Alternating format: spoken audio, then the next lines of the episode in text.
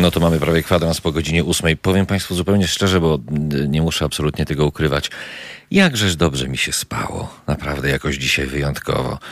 I taki się obudziłem rzeźki i patrzę, a tu już prawie w pół do ósmej. Dlatego proszę mi wybaczyć, że z tym kwadransowym poślizgiem, ale no, myślę, że są takie sytuacje, kiedy wszystkim nam się to zdarza. Kuba Wątły, dzień dobry. Będę z Wami do 8.45. Jak zwykle o 8.30 już pierwszy gość, ale szczegóły za moment.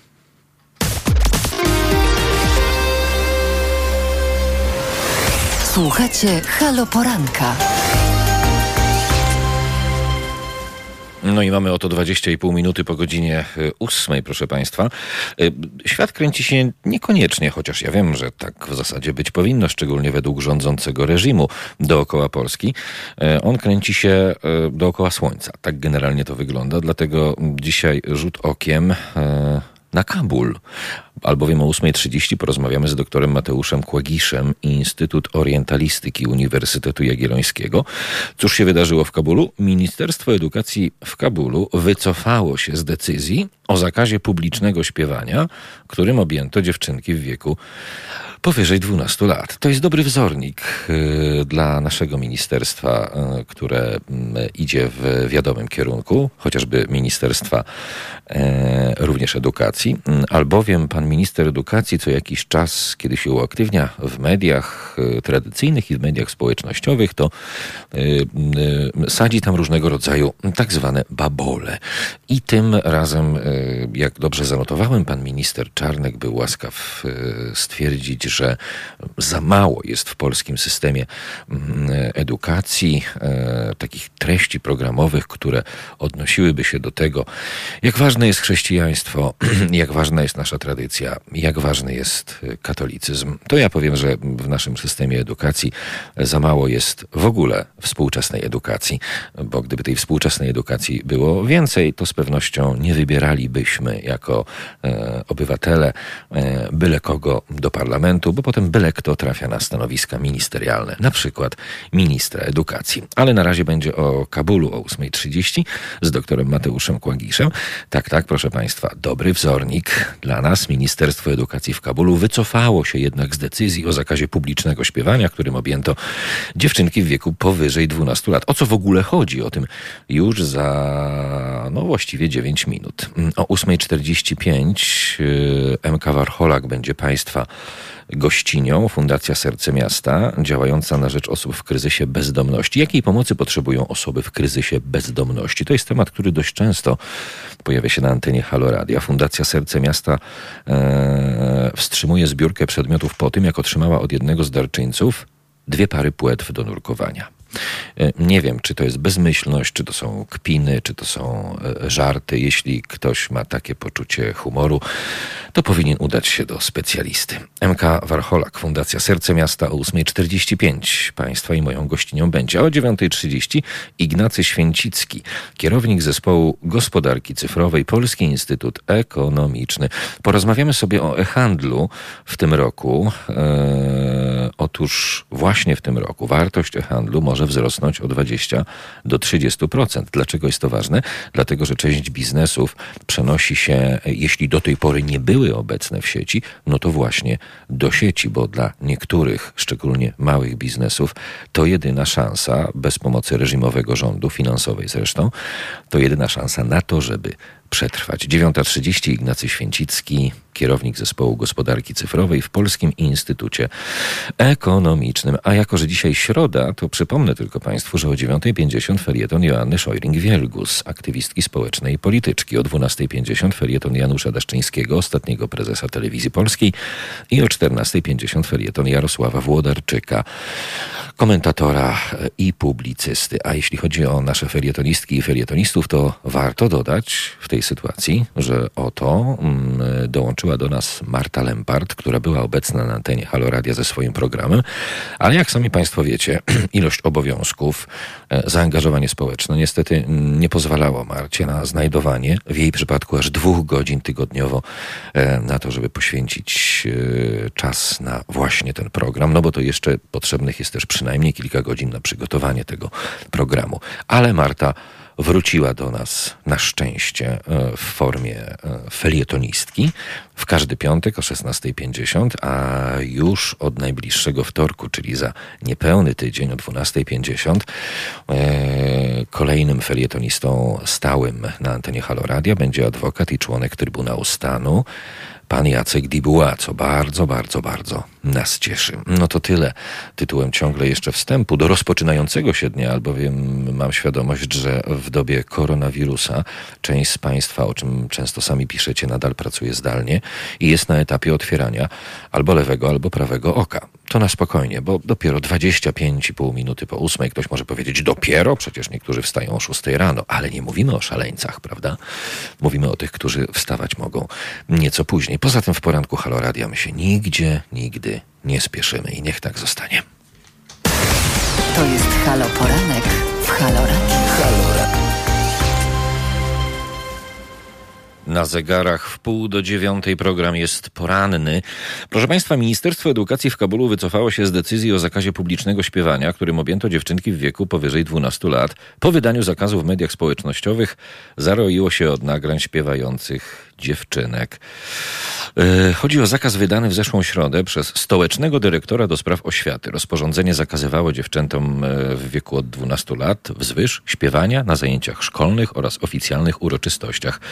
Uczennicom w tym wieku zezwolono na śpiewanie tylko na tych imprezach, w których uczestniczą wyłącznie kobiety.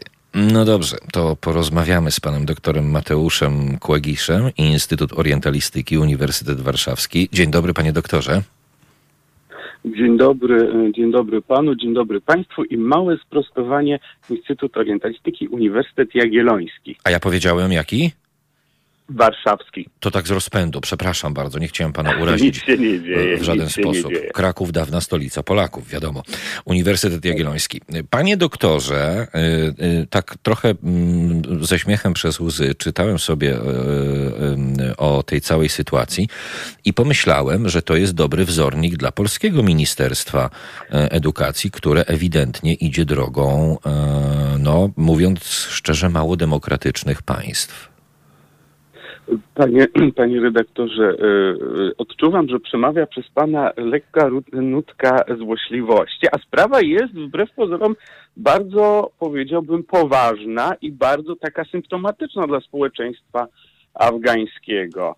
E, Proszę pamiętać, że po 40, właściwie to już wkrótce 50 latach wojny, najpierw okupacji radzieckiej, potem wojny domowej, e, okresie rządu talibów, e, interwencji amerykańskiej. Okupacji amerykańskiej.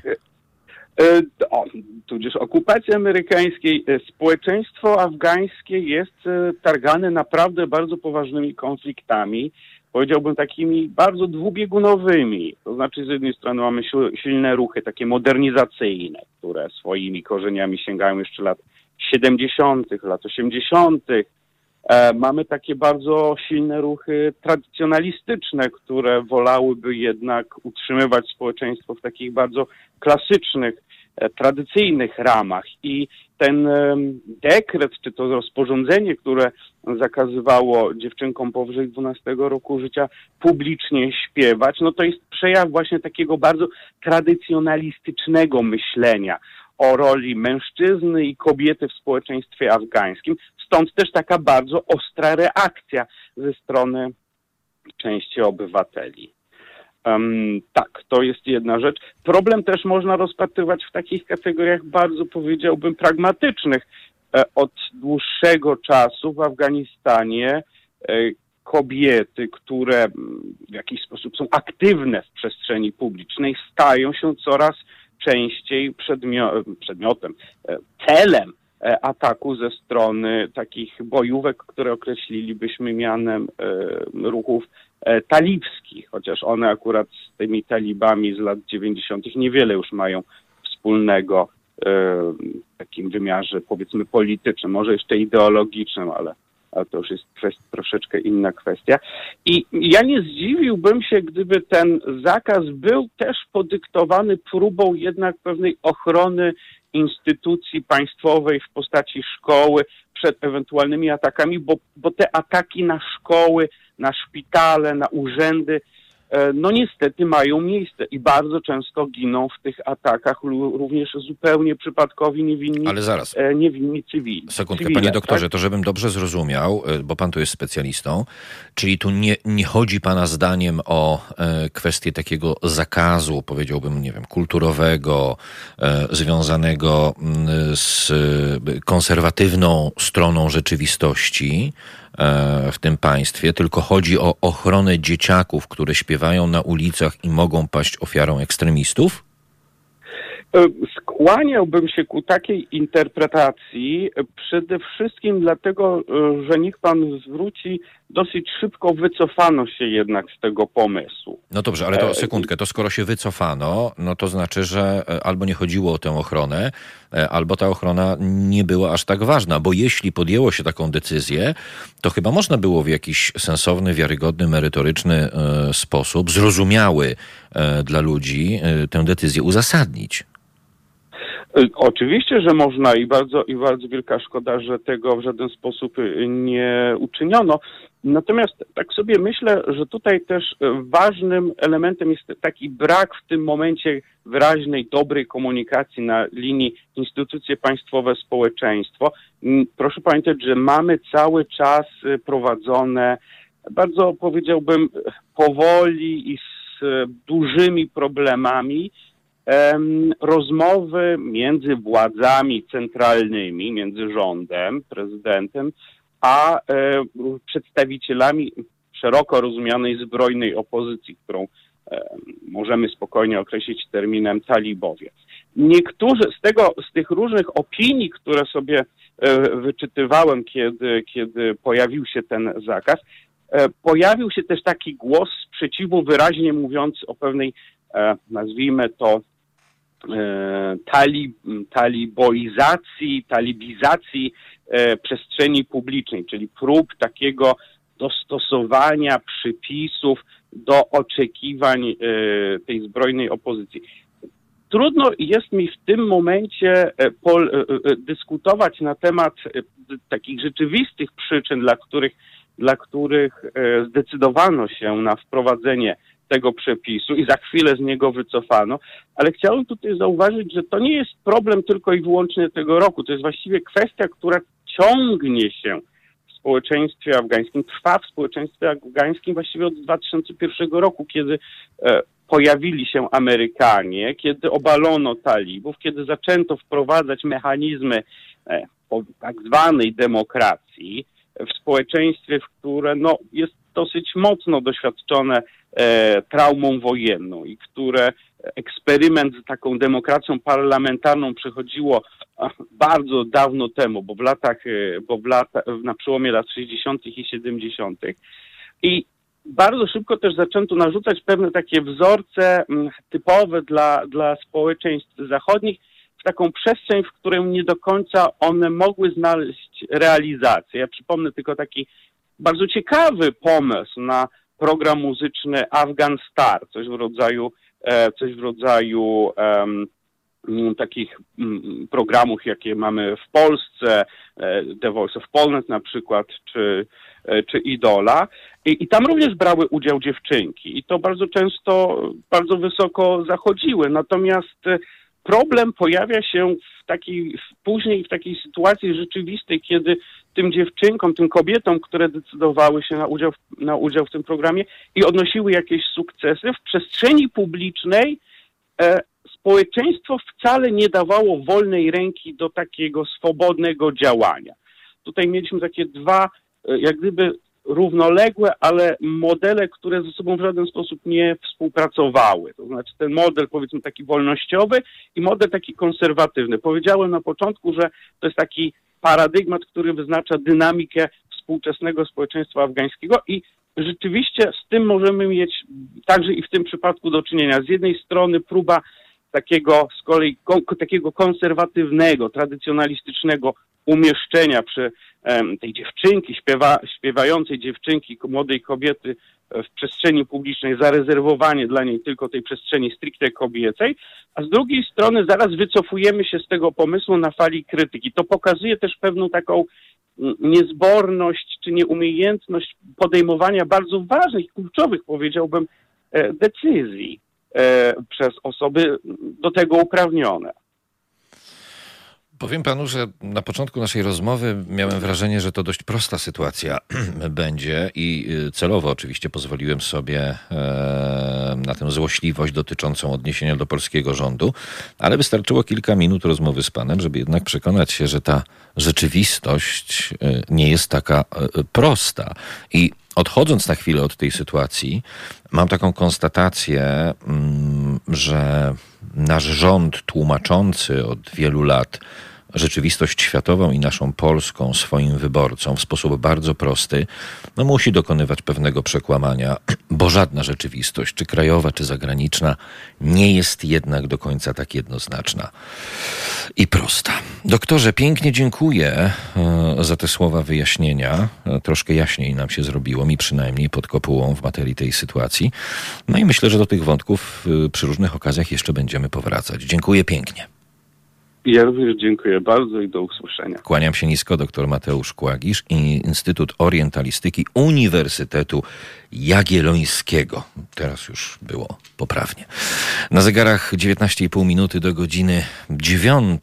Program jest środowy i poranny. Za kilka minut MK Warcholak, Państwa i moją gościnią będzie Fundacja Serce Miasta, działająca na rzecz osób w kryzysie bezdomności. A jak się działa na rzecz osób w kryzysie bezdomności, to na przykład organizuje się zbiórki e, przedmiotów, żeby tym osobom e, pomóc. No i od jednego z darczyńców fundacja otrzymała dwie pary płetw do nurkowania. E, być może zbiórka była bliżej niż śmietnik, no ale tego chyba się nie dowiemy. E, MK Warcholak, Fundacja Serce Miasta, 8.45. Państwa i moją gościnią będzie 19 minut do 9.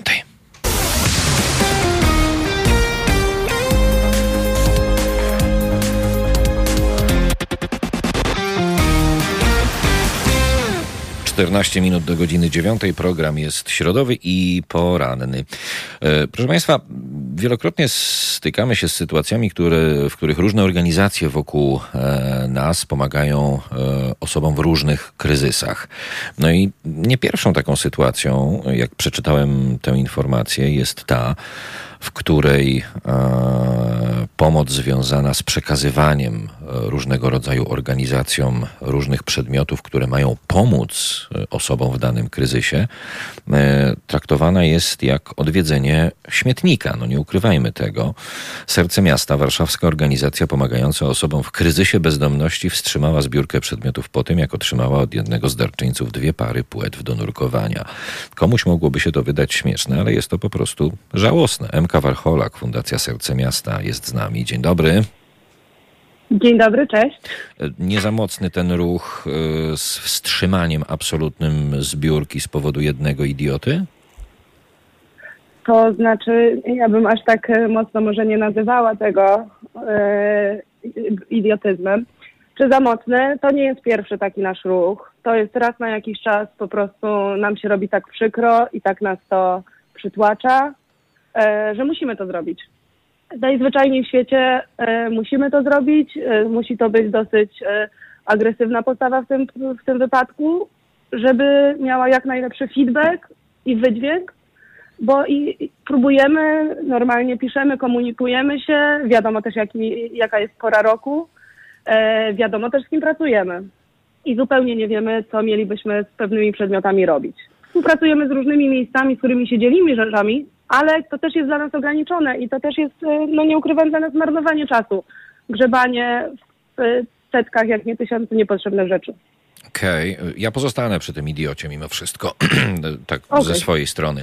Y, zdarzyło się wam jeszcze, mm, jak rozumiem, na przestrzeni waszej działalności otrzymać y, pewnie górę niepotrzebnych rzeczy. Co to było między innymi, pamiętasz? No, to były podarte spodnie, to były brudne majtki, e, to są nagminnie zabawki dziecięce, gdzie apelujemy o to, że my z dziećmi nie pracujemy, a mamy miejsce ograniczone.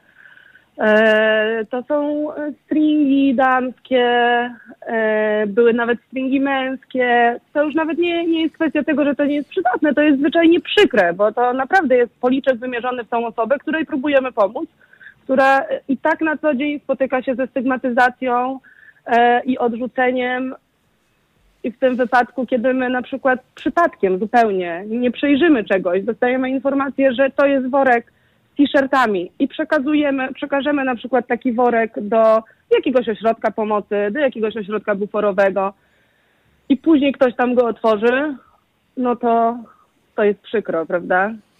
A czym Twoim zdaniem kierują się mm, ludzie, którzy przekazują Wam kompletnie niepotrzebne, e, nazwijmy to sobie, niech będzie dobra? A mi się wydaje, że zupełnie niczym. Naprawdę odnoszę wrażenie, że niczym, że to jest jakby, to nie jest e, chęć zrobienia przykrości, nie jest to też do końca chęć y, zrobienia dobrze. Jest to zwyczajnie chęć pozbycia się rzeczy, a nadal osoba w kryzysie bezdomności jest widziana jako osoba, która zbiera rzeczy, e, bo te osoby są najbardziej widoczne, tak, które są obłożone całą masą rzeczy, oczywiście niepotrzebnych, ale to już jest kwestia zaburzenia takiej osoby. E, no więc osobie w kryzysie możemy oddać wszystko. I nie zastanawiamy się zupełnie, e, czy to jej się przyda, czy nie. Więc mam wrażenie, że zupełnie niczym się nie kierują takie osoby, bo no i gdyby myślały, no to, to, to na pewno by się przemyślały, po co osobie w kryzysie bezdomności przy minus 5 stopniach płetwy.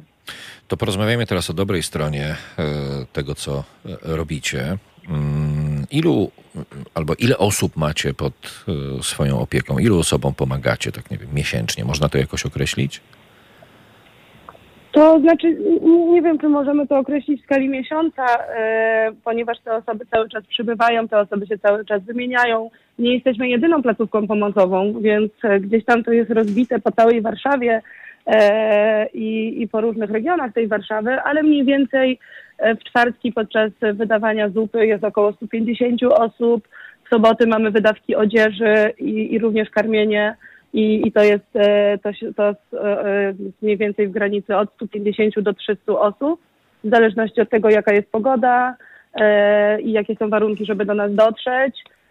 Największą wydawkę w tym roku mieliśmy taką na prawie 400 osób, kiedy zaatakowała zima i, i po prostu wszyscy nagle potrzebowali tego zabezpieczenia punktowego, doraźnego. Więc to jest jakieś, myślę, około 600 osób skali tygodnia, tylko te osoby się wymieniają. Często przychodzą nowe. Także coś takiego. Dużo. Bo jesteśmy w poniedziałki, nie, w poniedziałki, w czwartki, soboty i niedzielę. A gdzie jesteście? Nie jesteśmy sami. A powiedz jeszcze, gdzie jesteśmy? Jesteśmy na 11 listopada 22.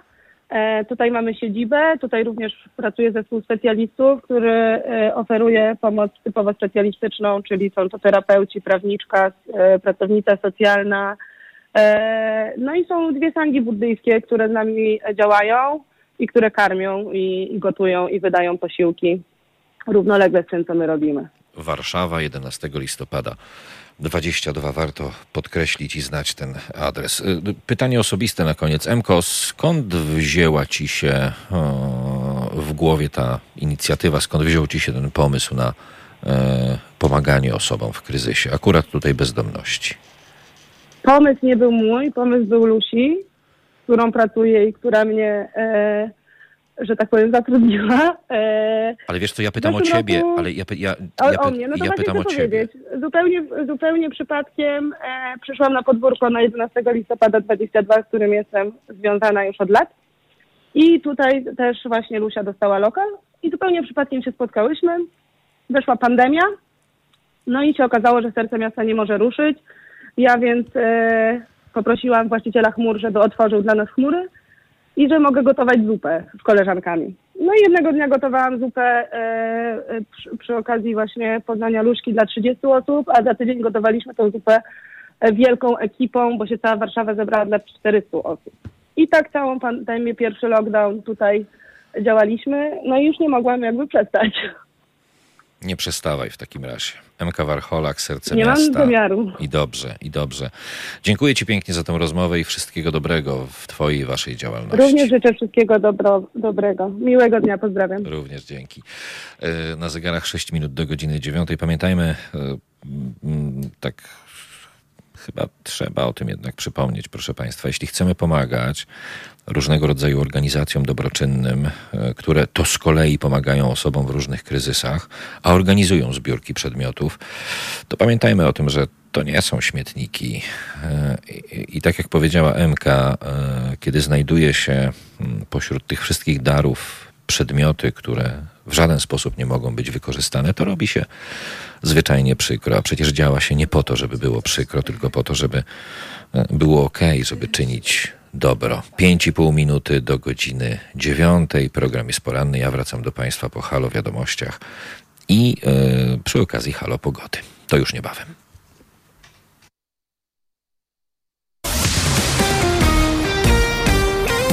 Halo Radio. Wszystko. Pięć i pół minuty po dziewiątej. A dzisiaj 17 dzień marca, 76 dzień roku, do końca roku 289 dni nam pozostało. Kuba Wątły, będę z Państwem jak zwykle od poniedziałku do piątku, od 8 do 9.45, chociaż dzisiaj z delikatnym poślizgiem. No, każdemu zdarza się zaspać. Imieniny obchodzą Agrykola Ambroży, Gertruda, Józef, Patrycy, Patryk, Paweł, Zbigniew i Zbigniewa. W Irlandii Dzień Świętego Patryka. E, we Włoszech Dzień Jedności Narodów, w Bangladeszu Dzień Dziecka, a w kalendarzu mm, w roku 1932 obniżono o 38% zasiłki dla bezrobotnych oraz skrócono okres ich wypłacania. Ach, to cudowne dwudziestolecie międzywojenne.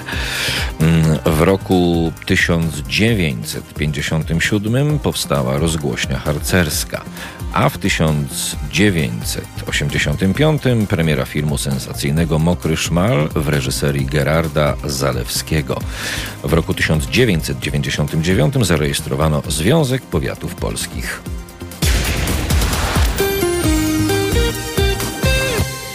No to mamy 7 minut po godzinie 9. Program jest środowy i poranny. Przypominam Państwu, że skoro dzisiaj środa, to mamy środowy zestaw felietonistyki felietonistów. 9.50 felieton Joanny Szojring-Wielgus, aktywistki społecznej i polityczki. 12.50 felieton Janusza Daszczyńskiego, ostatniego prezesa telewizji polskiej. O 14.50 felieton Jarosława Włodarczyka, e, komentatora i publicysty. A także, na szczęście, Marta Lempart do nas dołączyła. E, jej felietony w każdy piątek o 16.50, a od przyszłego wtorku o 12.50 będzie z Państwem e, i mm, swoimi felietonami dla Państwa adwokat i członek Trybunału Stanu, pan Jacek Dibuła, co niewątpliwie bardzo nas cieszy. E, patrzę na nasz poranny rozkład jazdy i oto widzę, widzę czy widzę, czy nie widzę? Nie, no widzę. Ignacy Święcicki, kierownik zespołu gospodarki cyfrowej Polski Instytut Ekonomiczny, będzie Państwa i moim gościem o 9.30. O czym porozmawiamy? O tym, że wartość e-handlu w tym roku może nawet wzrosnąć e, o 20 do 30%. I pewnie jest to powodowane koronawirusem i tym, że e, szczególnie te małe firmy starają się przeżyć e, w taki oto sposób, że nie będąc do końca albo mocno obecnymi w przestrzeni internetowej, właśnie do tej przestrzeni internetowego handlu przenoszą się, oby z korzyścią dla siebie. 8,5 minuty po godzinie 9. Program jest poranny. Halo Radio mówi wszystko. 13,5 minuty po godzinie 9. Znacie Państwo takiego człowieka jak Mestosław? My znamy. Mestosław wyjaśnia legalizację marihuany, psychodelików i hipokryzję obecnego systemu e, w walce mm, ze zorganizowaną, tak zwaną zorganizowaną przestępczością. E, przykładów na to paranoiczne zachowanie Policji jest całe mnóstwo. Proszę bardzo. Policjanci z piekarskiej komendy zajmujący się ściganiem sprawców przestępstw zatrzymali kolejną osobę powiązaną z narkobiznesem. Kryminalni sukcesywnie docierają do kolejnych osób zamieszanych w ten przestępczy proceder, informuje policja. Podczas kontroli przy mężczyźnie znaleziono pięć działek dilerskich marihuany. Następnie 10 porcji amfetaminy oraz jedną tabletkę ekstazji ujawnili kryminalni podczas przeszukania mieszkania. Zatrzymany mężczyzna usłyszał już zarzuty. No i Mestosław nie bez kozery pyta, halo policja, nie czujecie tej żenady? Jeszcze oficjalne komunikaty y, w roli bohaterów. Co robią prawdziwi przestępcy w tym czasie? Jak myślicie? I zrezygnujcie też z tych idiotycznych działek dilerskich, które mają tylko mydlić oczy, że niby to jakieś super działanie skierowane w narkobiznes. A ten wasz Escobar to zwykły ziomek, który posiadał coś około jednego grama marihuany, jeden gram amfetaminy i jedną tabletkę ekstazy. Jeśli to jest według was narkobiznes, pisze Mestosław, to współczuję. Gracie lepiej w Monopoly na służbie. Tam zarobicie tak realne pieniądze jak przestępcy, których łapiecie. Wstydźcie się. No, rzeczywiście. Jak już powiedziałem, to kolejny taki przypadek, yy, w którym policja jasno stwierdza, że uderza w narkobiznes, yy, bo yy, przymyka chłopaka, który na pokładzie ma 1 gram marihuany, 1 gram amfetaminy i jedną tabletkę ekstazji. Jeśli to jest walka z narkobiznesem, to policji serdecznie gratuluję. Mniej czasu na modłach, mniej czasu na kolanach w kościołach, E, mniej e, czasu poświęconego na święcenie karabinów e, i mm, samochodów, którymi policja się porusza, więcej, więcej czasu na logiczne myślenie, dochodzenie do jakichś sensownych wniosków. Może się uda, kto wie, może rzeczywiście walka z narkobiznesem na pewnym etapie będzie miała mm, w policji sens. Natomiast na pewno nie będzie miała sensu, e, jeśli politycy, nieważne czy to jest reżim pisowski, czy tak zwana opozycja, nie zmienią swojego stosunku e, i nie przestaną być hipokrytami w kwestii legalizacji marihuany i psychodelików. Tak niestety wygląda rzeczywistość. Ale papier wszystko przyjmie. 16,5 minuty po godzinie 9. Przypominam Państwu, że o 9.30 Państwa i moim gościem będzie Ignacy Święcicki, kierownik zespołu gospodarki cyfrowej z Polskiego Instytutu Ekonomicznego. Będzie o e-handlu w tym roku. Jego wartość może wzrosnąć o 20 do 30 procent. Y, czasami podnoszę Państwu ciśnienie krwi o poranku. Mm, nie dlatego, że jestem złośliwy, no tylko dlatego, że jesteśmy jedynym medium, które e, uderza w te miejsca, w które uderzyć trzeba w naszej przestrzeni publicznej. I tak oto, mm, niech będzie oto przykład. Ksiądz pedofil i sadysta gwałcił i kaleczył dwunastoletnią Mariannę. Prokuratura w Miechowie umorzyła sprawę. Gdy Marianna osiągnęła pełnoletność, ponownie zawiadomiła prokuraturę, ale śledztwo wznowione w czerwcu 2020 roku przewleka się, a ksiądz wciąż pozostaje na wolności. W ciągu dziewięciu miesięcy przesłuchano tylko kilka osób, które wskazywała poszkodowana i ją samą. Przesłuchanie trwało dziewięć godzin. To było coś strasznego, opowiada Marianna. Przez większość tego czasu byłam po prostu atakowana pytaniami. Sugerowano kolejny raz, że być może ja gdzieś tam na przykład świadczyłam usługi. Śledztwo prowadzi pani Wioletta Jędrychowska-Jaros, ta sama prokurator, która kilka lat temu podpisała się pod umorzeniem tego śledztwa.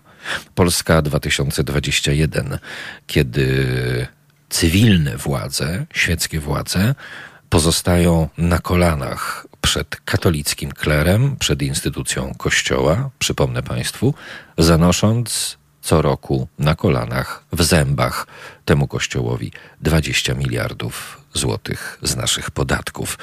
Pal licho te pieniądze na pewnym etapie, ale nieprawdopodobne jest, jak pisowski reżim, jak politycy potrafią gardzić ofiarami tych kanali w sutannach i potrafią sugerować jeszcze w ramach działającego systemu, że być może ofiara e, księdza, który gwałcił i kaleczył dwunastolatkę, gdzieś tam na przykład świadczyła swoje usługi.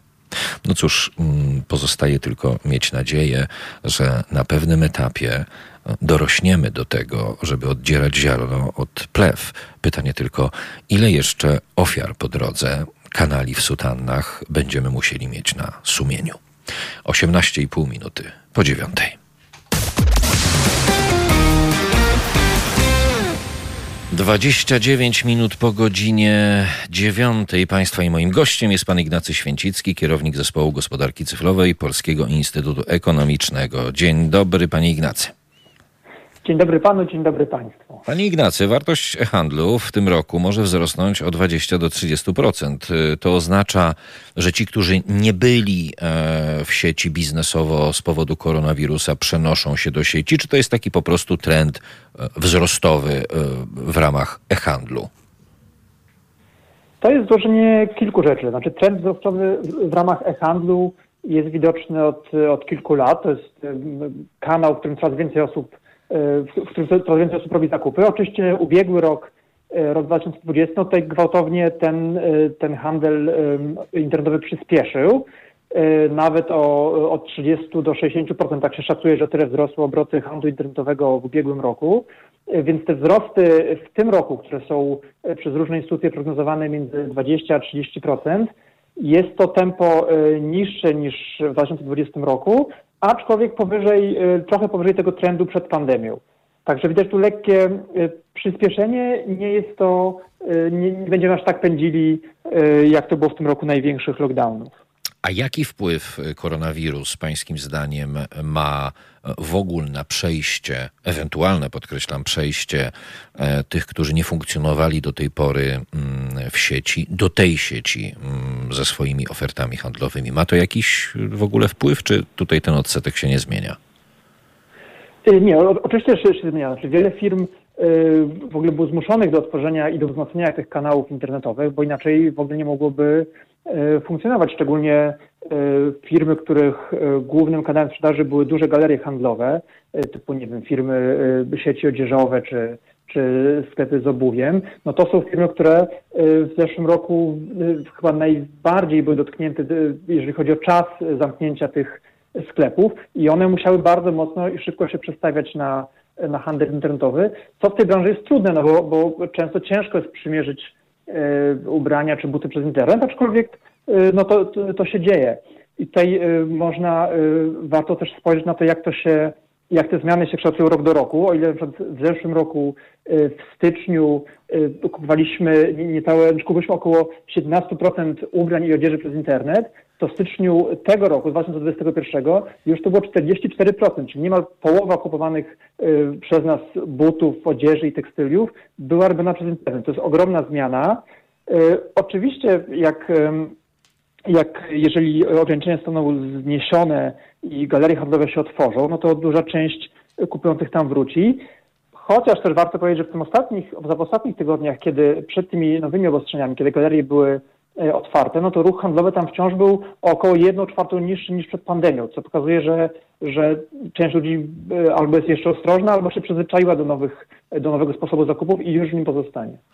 E, no właśnie, zastanawiam mnie, czy mm, w ogóle pandemia, wymuszając niejako zwiększoną aktywność handlu w sieci, finalnie spowoduje, że on już w tej sieci zostanie, czy jednak na przestrzeni, no pewnie nie miesięcy, ale roku, dwóch, trzech lat, E, ci, którzy zostali zmuszeni e, do wejścia większego w sieć, będą jednak chcieli wrócić do starego modelu?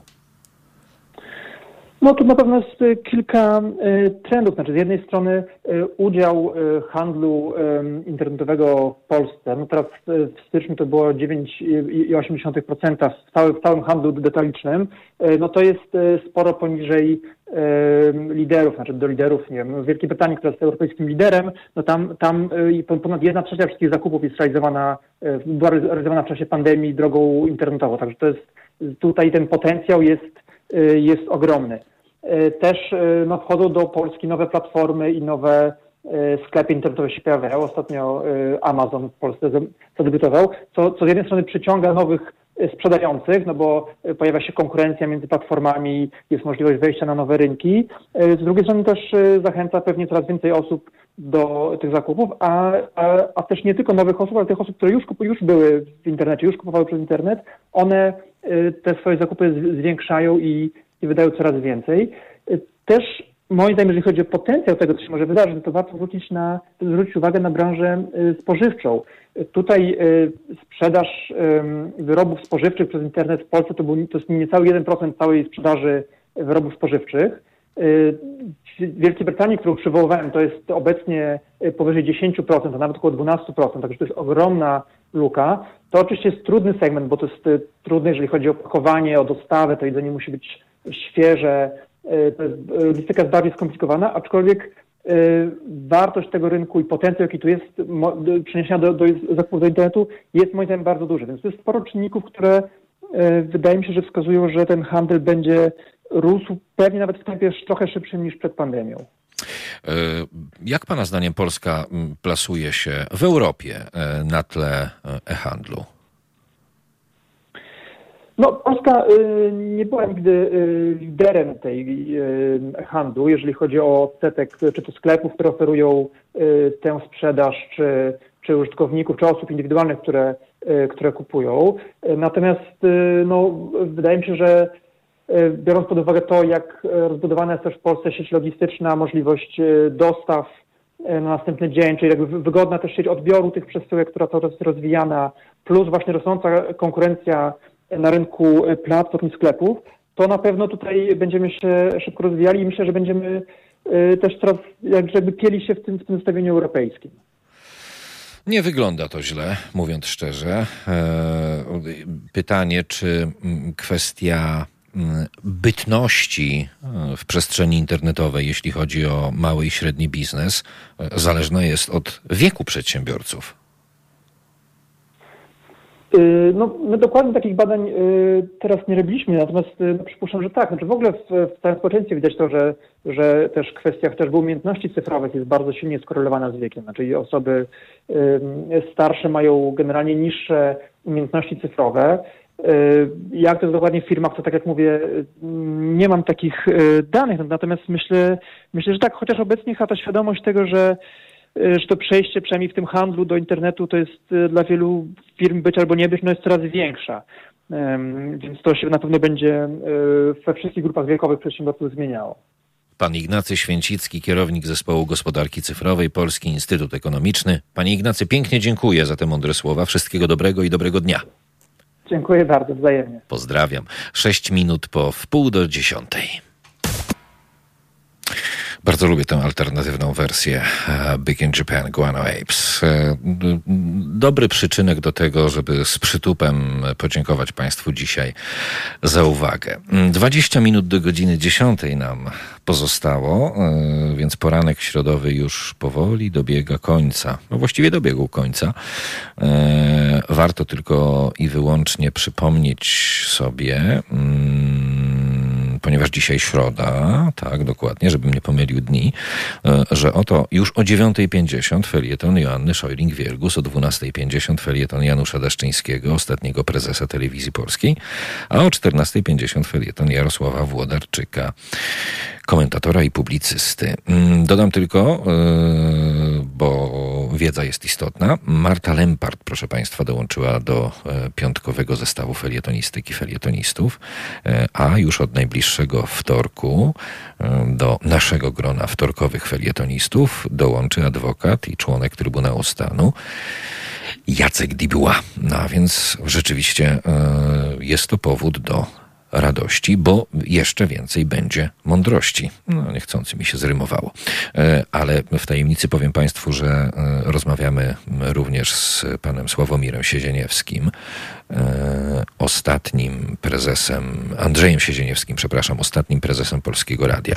E, Dlaczego mówimy ostatni prezes Polskiego Radia, ostatni prezes Polskiej Telewizji? No bo potem to już ten szlam zaczął się lać z mediów publicznych, który z prawdziwym e, publicznym Polskim Radiem i prawdziwą publiczną telewizją nie ma nic wspólnego. Ale o tym Państwo wiecie i dlatego między innymi jest Halo Radio. Dziękuję za uwagę. 17 minut do godziny 10. Słyszę i widzę się z Państwem jutro po godzinie 8. Od 10 Paweł Cwalina. E, Pierwsza godzina mm, takiego późnego halo poranka, a później halo dzień na antenie Halo Radia. E, To tylko powiem Państwu, żeby była jasność, e, że o 10.30 gościem Pawła Cwaliny e, będzie były poseł Antoni Mężydło. Antoni Mężydło to jest ten facet, który chyba jako jeden z pierwszych dokonał wolty z PiSu do Platformy. Mówiło się wtedy o pięknej, solidarnościowej karcie Antoniego Mężydło. No ale to już zanim to mu zostanie, nikt mu tego nie zabierze. Po 11 Iga Kostrzewa, rzecznicka Stowarzyszenia Lambda, e, państwa gościnią i Pawła Cwaliny będzie, a potem jeszcze Szymon Piegza, redaktor i dziennikarz e, Onyt Wiadomości, dziennikarz freelancer National e, Catholic Reporter, e, dziennikarz freelancer Newsweeka, autor reportażu Jak kardynał i biskupi tuszowali pedofilię księdza Jana Wodniaka. Takich tematów nigdy dość, jeśli mamy być bardziej świadomi. No dobrze, dość mojego gadania. 16 minut do 10, o 9.50 Halo Felieton Joanny Szojring-Wielgus, aktywistki społecznej i polityczki, a Państwu mówię do usłyszenia i do zobaczenia jutro o 8.